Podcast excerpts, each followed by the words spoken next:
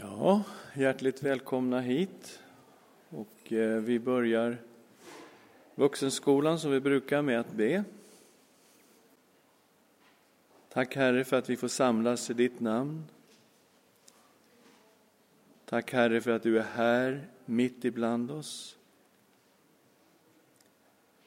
Och vi ber om nåd att du skulle öppna våra ögon, verka i oss, fylla oss med helig Ande och tala till oss ifrån ditt ord. I Jesu namn. Amen. Ja, det har väl inte undgått så många att vi håller på med teman i Johannes evangelium. Och vi kommer nu de kommande tre gångerna att arbeta med det som jag uppfattar som huvudtemat i Johannes evangeliet.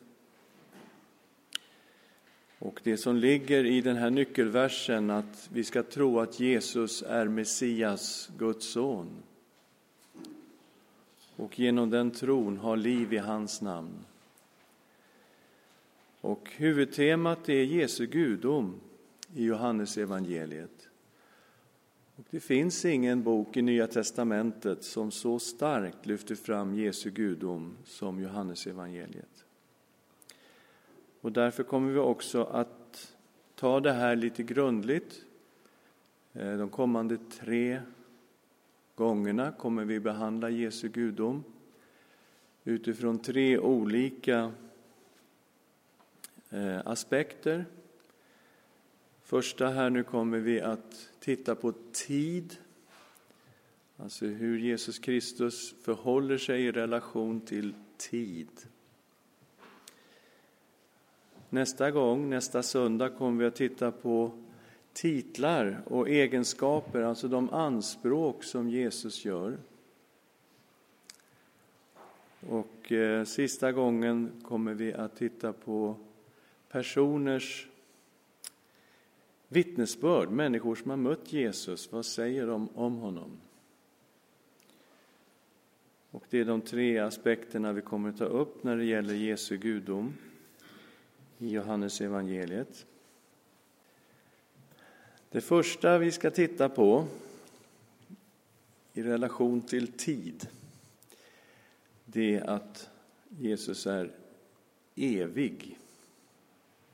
Och vi läser då i första versen i själva evangeliet.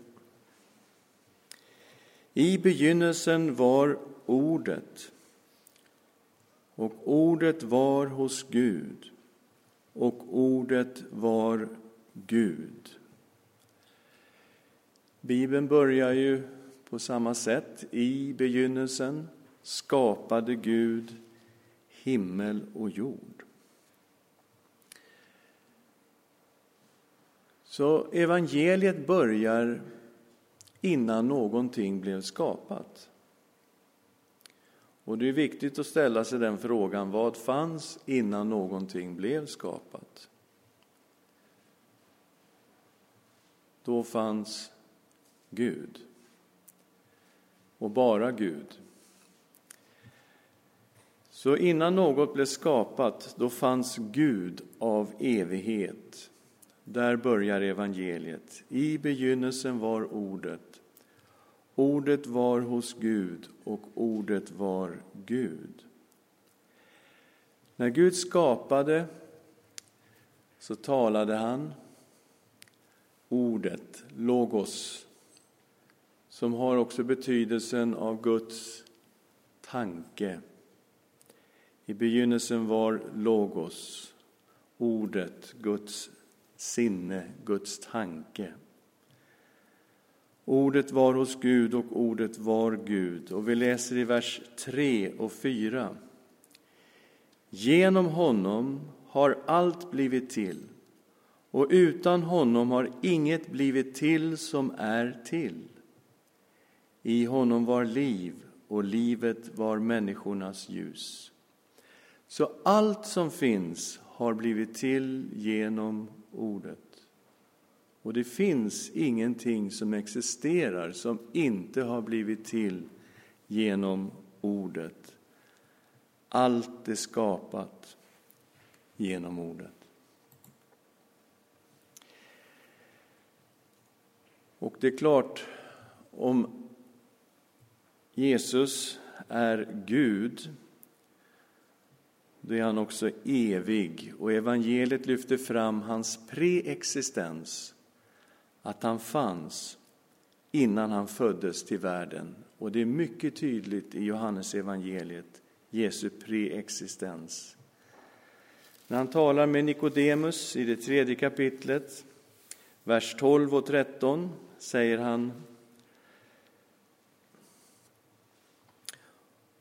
Om ni inte tror när jag talar till er om det som hör jorden till, hur ska ni då kunna tro när jag talar till er om det som hör himlen till?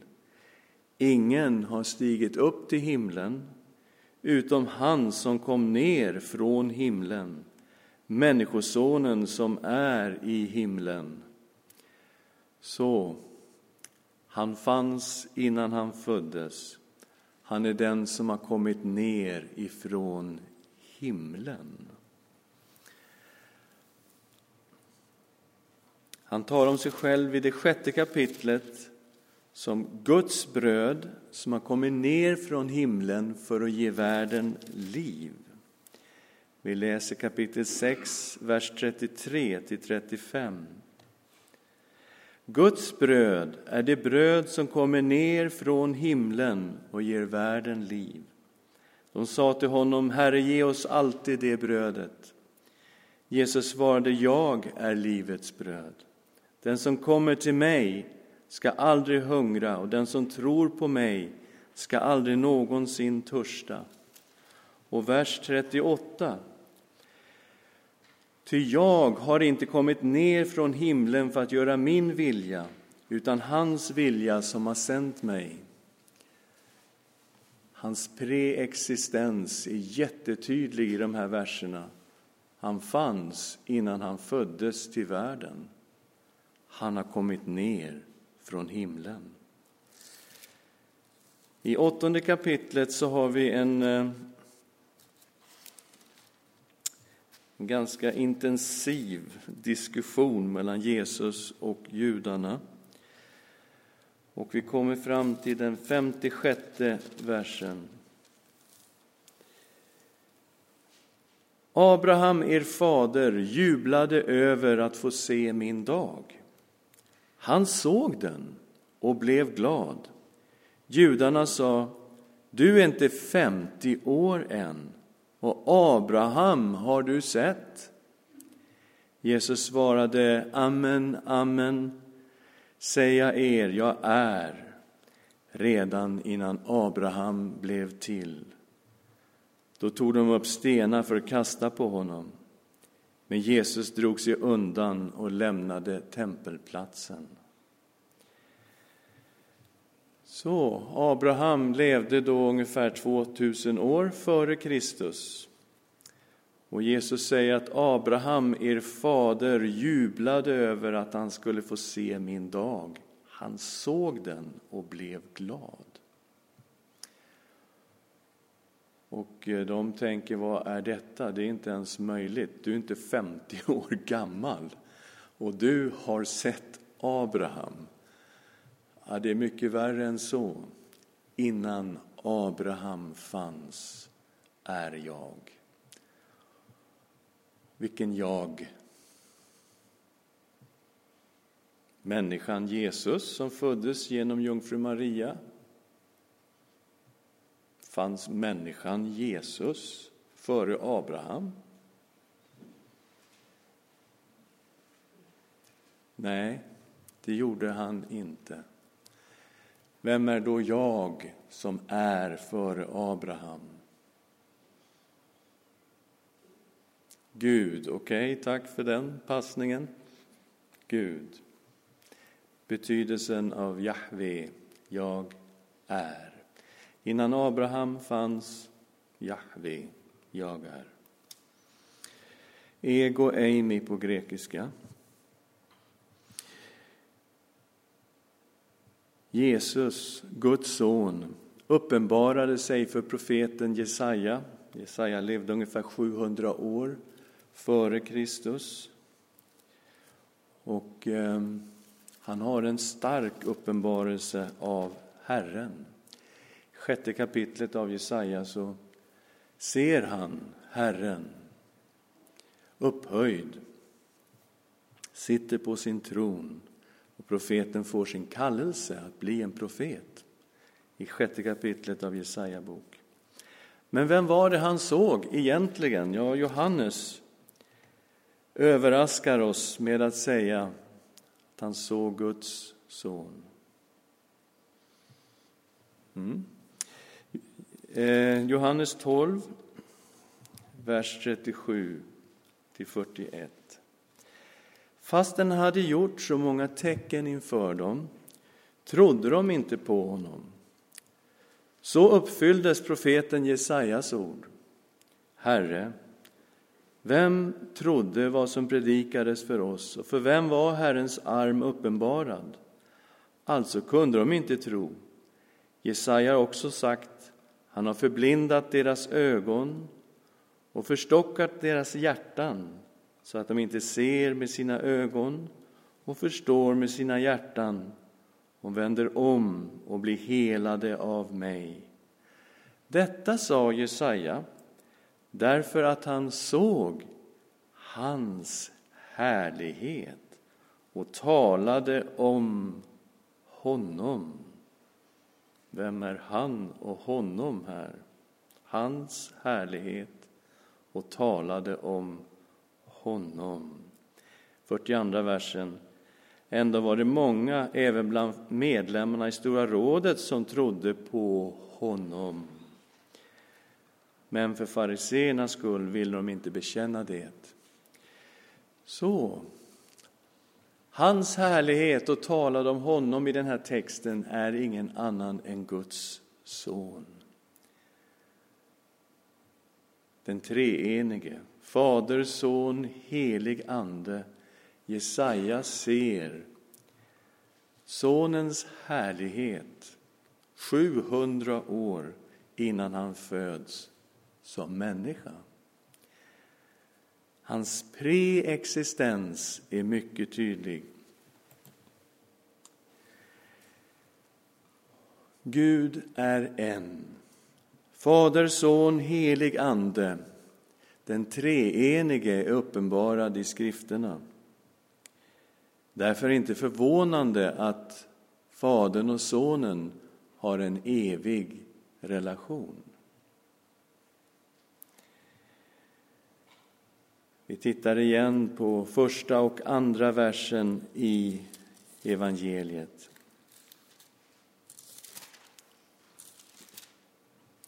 I begynnelsen var Ordet, och Ordet var hos Gud, och Ordet var Gud. Han var i begynnelsen hos Gud. Han var Gud och hos Gud. Okej, okay. ni ser distinktionen. Ordet var Gud, ordet var hos Gud. I det sjuttonde kapitlet i Jesu bön så kommer detta med att sonen delade härligheten med Fadern innan världen skapades. Och vi kom överens om, tror jag, att innan världen skapades fanns bara Gud. 17 kapitlet, vers 4. Jag har förhärligat dig på jorden genom att fullborda det verk som du har gett mig att utföra. Fader, förhärliga nu mig med den härlighet som jag hade hos dig innan världen var till. Fadern och Sonen delade härligheten innan världen skapades. Det fanns kärlek i gudomen före världens skapelse, 17.24. Fader, jag vill att där jag är, där ska också det som du har gett mig vara med mig, så att de får se min härlighet som du har gett mig, eftersom du har älskat mig innan världens grund var lagd. Så vi har kärlek inom gudomen. Kärleken är lika evig som Gud är evig. Vi har enhet och gemenskap i gudomen som är lika evigt som Gud är evig. Du har älskat mig innan världens grund var lagd.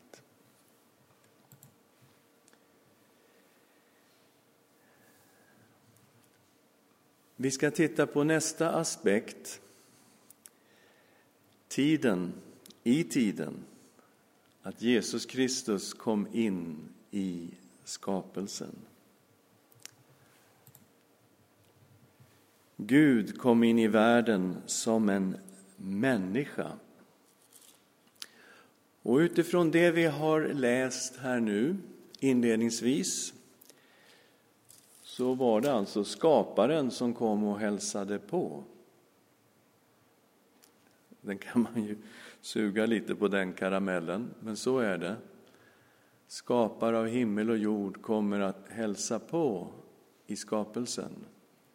Vi läser kapitel 1, vers 9-11.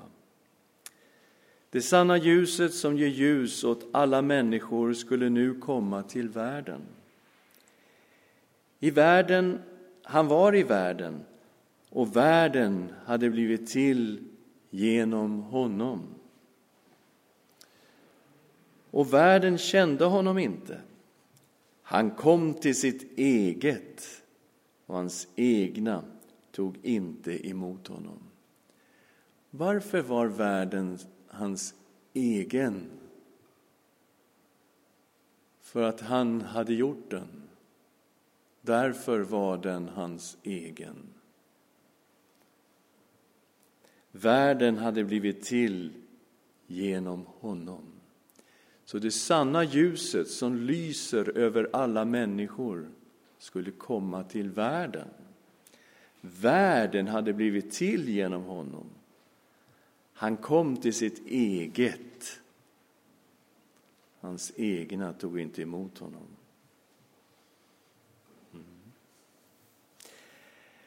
Ordet var Gud. Ordet blev människa. Gud blev människa. Fjortonde versen. Och ordet blev kött och bodde bland oss. Och vi såg hans härlighet, en härlighet som den enfödde har av Fadern. Han var full av nåd och sanning. Gud blev människa. Skaparen kom och hälsade på i sin skapelse.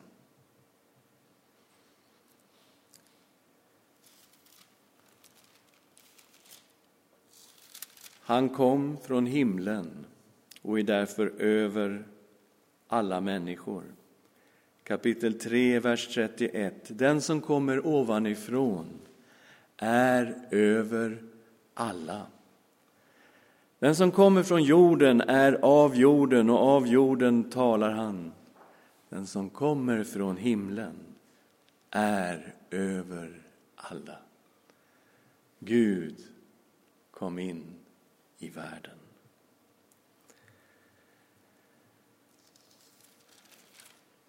Han som kom ovanifrån in i världen är den ende som kan rädda oss faktiskt. Vers 23 och 24 i det åttonde kapitlet.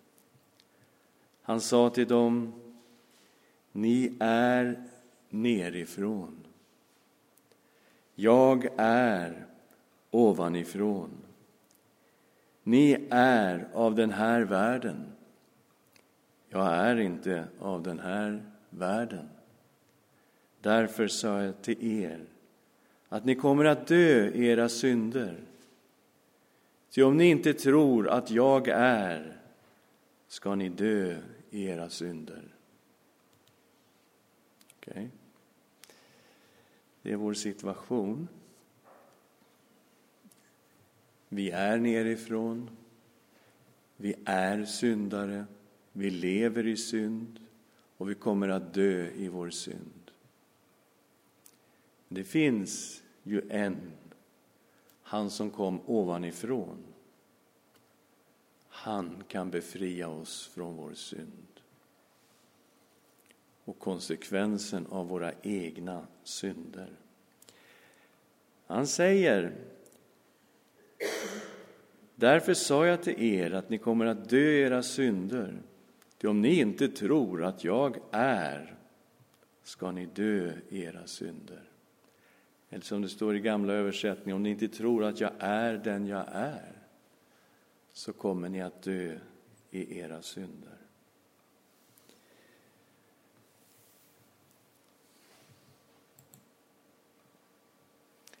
Vad har han för uppdrag, han som kommer på besök in i världen? Ja, han kom för att uppenbara Gud. Vi läste redan 1-14 att ordet blev människa, tog sin boning bland oss. Och vi såg hans härlighet, lika som den enfödde sonens härlighet från sin fader. Och han var full av nåd och sanning. Så härligheten från Fadern uppenbaras i Sonen. Och vi såg härligheten, säger Johannes. Han var full av nåd och sanning. Gud kom på besök och uppenbarades i Jesus. 1 och 18. Varför kom han?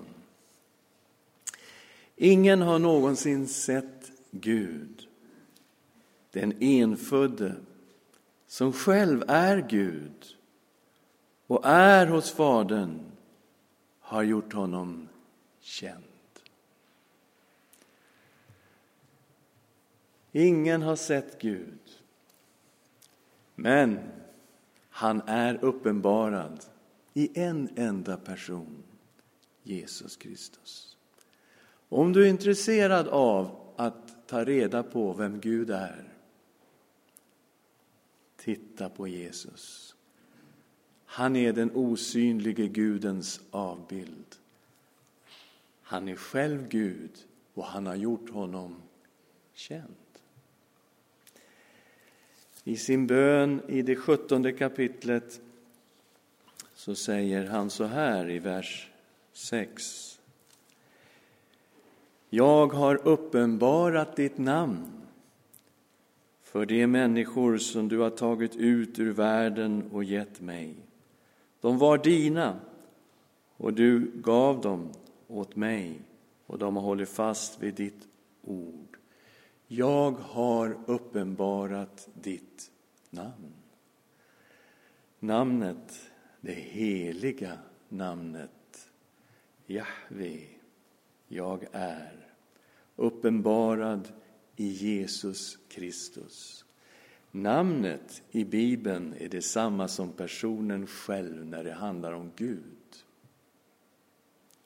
Jag har uppenbarat ditt namn. Jag har uppenbarat dig själv. Jesus Kristus är en uppenbarelse av Gud själv.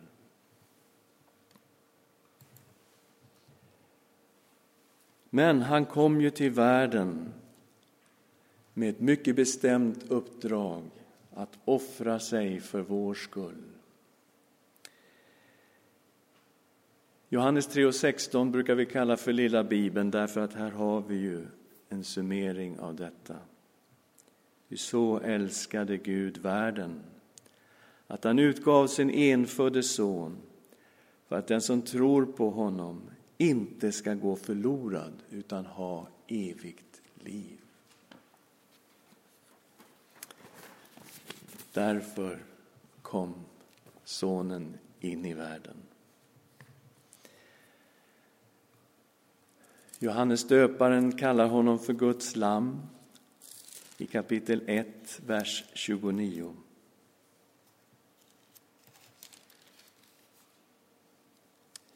Nästa dag såg han Jesus komma och han sa Se Guds lam som tar bort världens synd. Johannes döparen visste varför Jesus kom till världen. Han visste att han var Guds lamm som kom för att offra sitt liv för hela världens synd. Det förstod Johannes.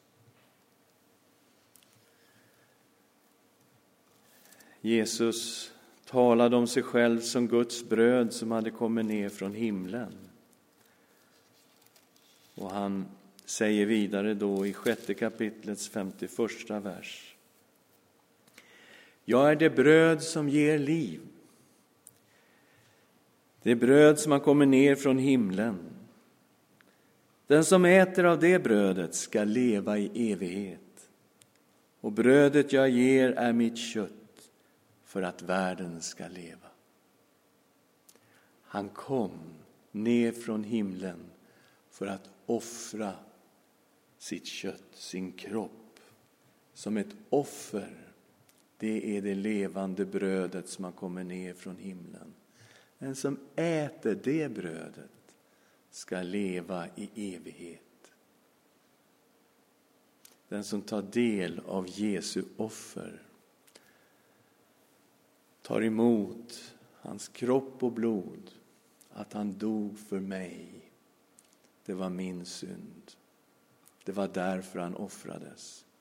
Den som tar emot Jesus på det här sättet i tro har evigt liv. Ja, det är inget dåligt bröd det handlar om. Han talar om sig själv som den gode herden som har kommit för att ge sitt liv för fåren. Tionde kapitlet, vers 11. Jag är den gode herden. Den gode herden ger sitt liv för fåren. Vers 17 och 18. Fadern älskar mig därför att jag ger mitt liv för att sedan ta det tillbaka. Ingen tar det ifrån mig, utan jag ger det av fri vilja. Jag har makt att ge det, jag har makt att ta det tillbaka. Det budet har jag fått av min fader. Den gode herden som kom för att ge sitt liv för fåren. Alla profetiorna uppfylldes i Jesus och det bekräftas då i det nittonde kapitlet när Jesus hänger där på korset. I vers 28. Jesus visste att allt redan var fullbordat. Och han sa därefter för att skriften skulle fullbordas, jag törstar. Där stod ett kärl fyllt med ättikvin och de fäste en svamp fylld med ättikvin runt den i såpskälk och förde den till hans mun. När Jesus hade fått det sura vinet sa han, det är fullbordat. Och han böjde ner huvudet och gav upp andan. Alla profetiorna gick i uppfyllelse i Jesus Kristus, allihopa. Och här har vi naturligtvis en uppsjö profetier som talar om att han kom till världen för att ge sitt liv för vår skull. Hans uppdrag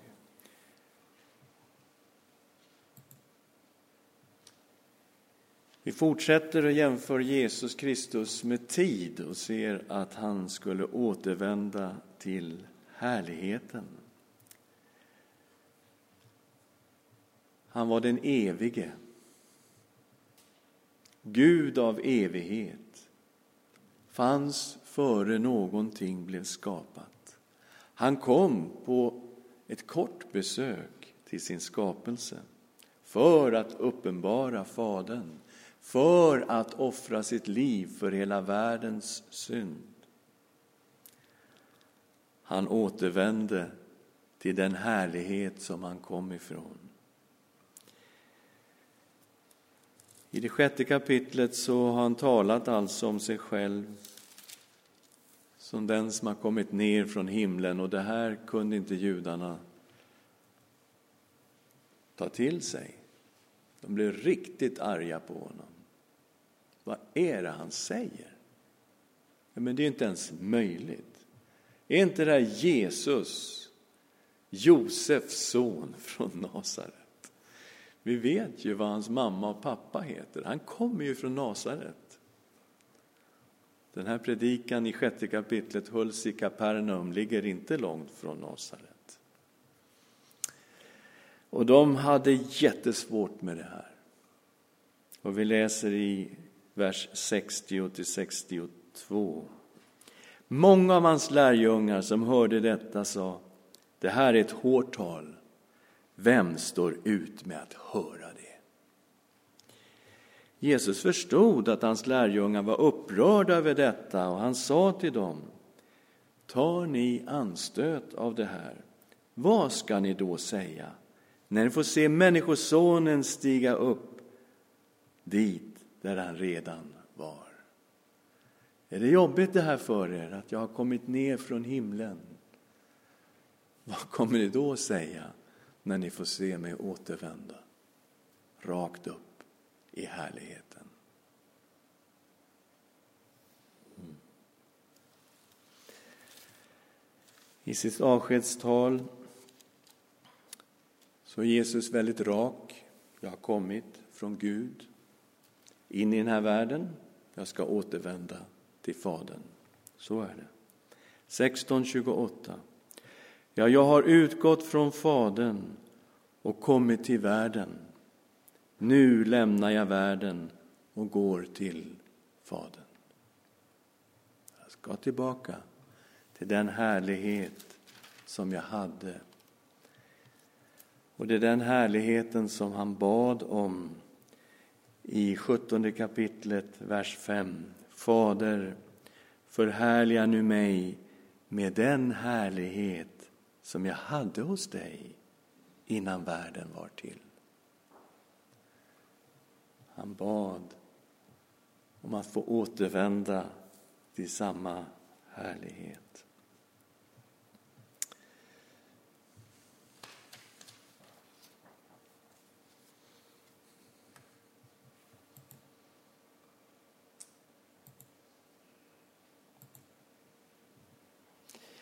Ja, vi försöker hitta någon sammanfattning av det här då, första delen. När vi undersöker Johannes evangeliets undervisning om Jesus Kristus, Guds son, i relation till tiden så ser vi att han är Gud. Sonen är av evighet. Han fanns före allt som skapats. Allt skapades genom det eviga ordet, Logos.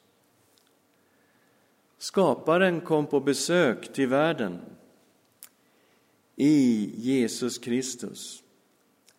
Han var en uppenbarelse av Gud. Genom sin himmelsfärd återvände Sonen till sin eviga härlighet i gudomen.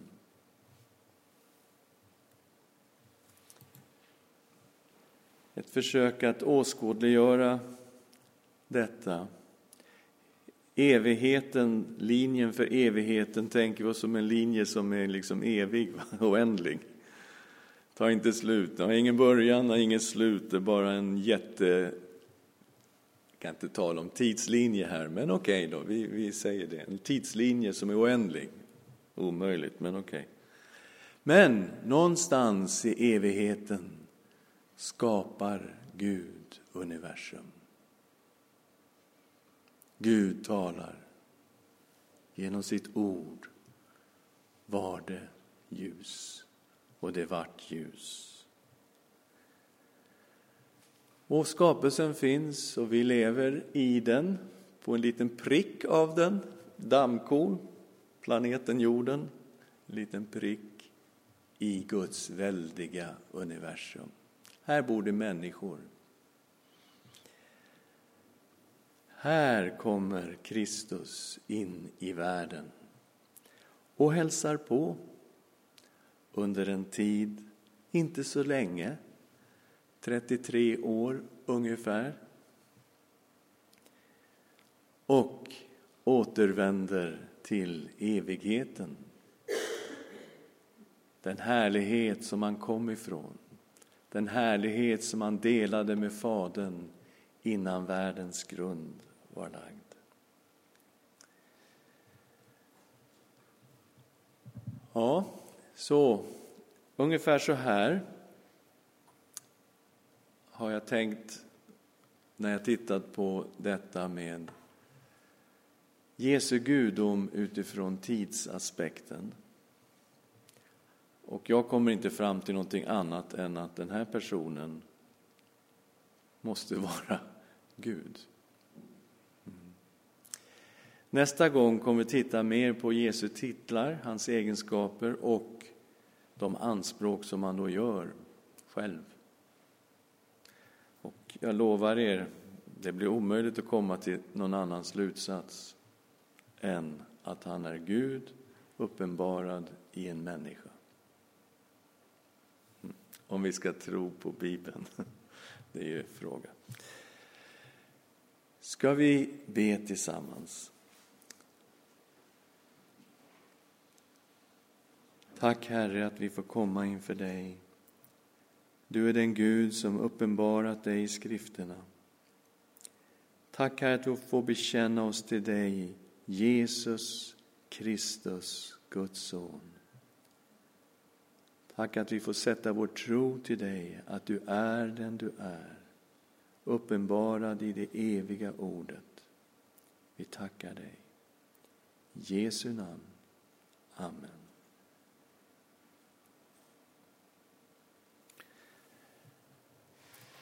Ja, vi har tid Vad säger ni om det här? Är det någonting som ni har andra uppfattningar om? Man kan ju ha andra uppfattningar om detta, om vem Jesus är, självklart. Men utifrån Johannes evangeliet.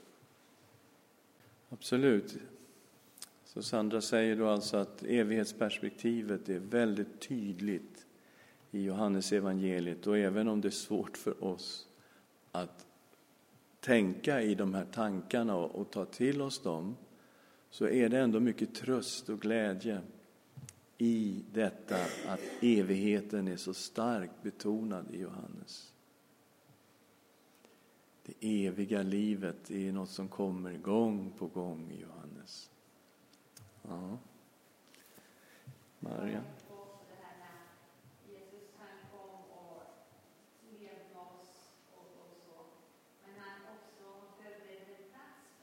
Mm.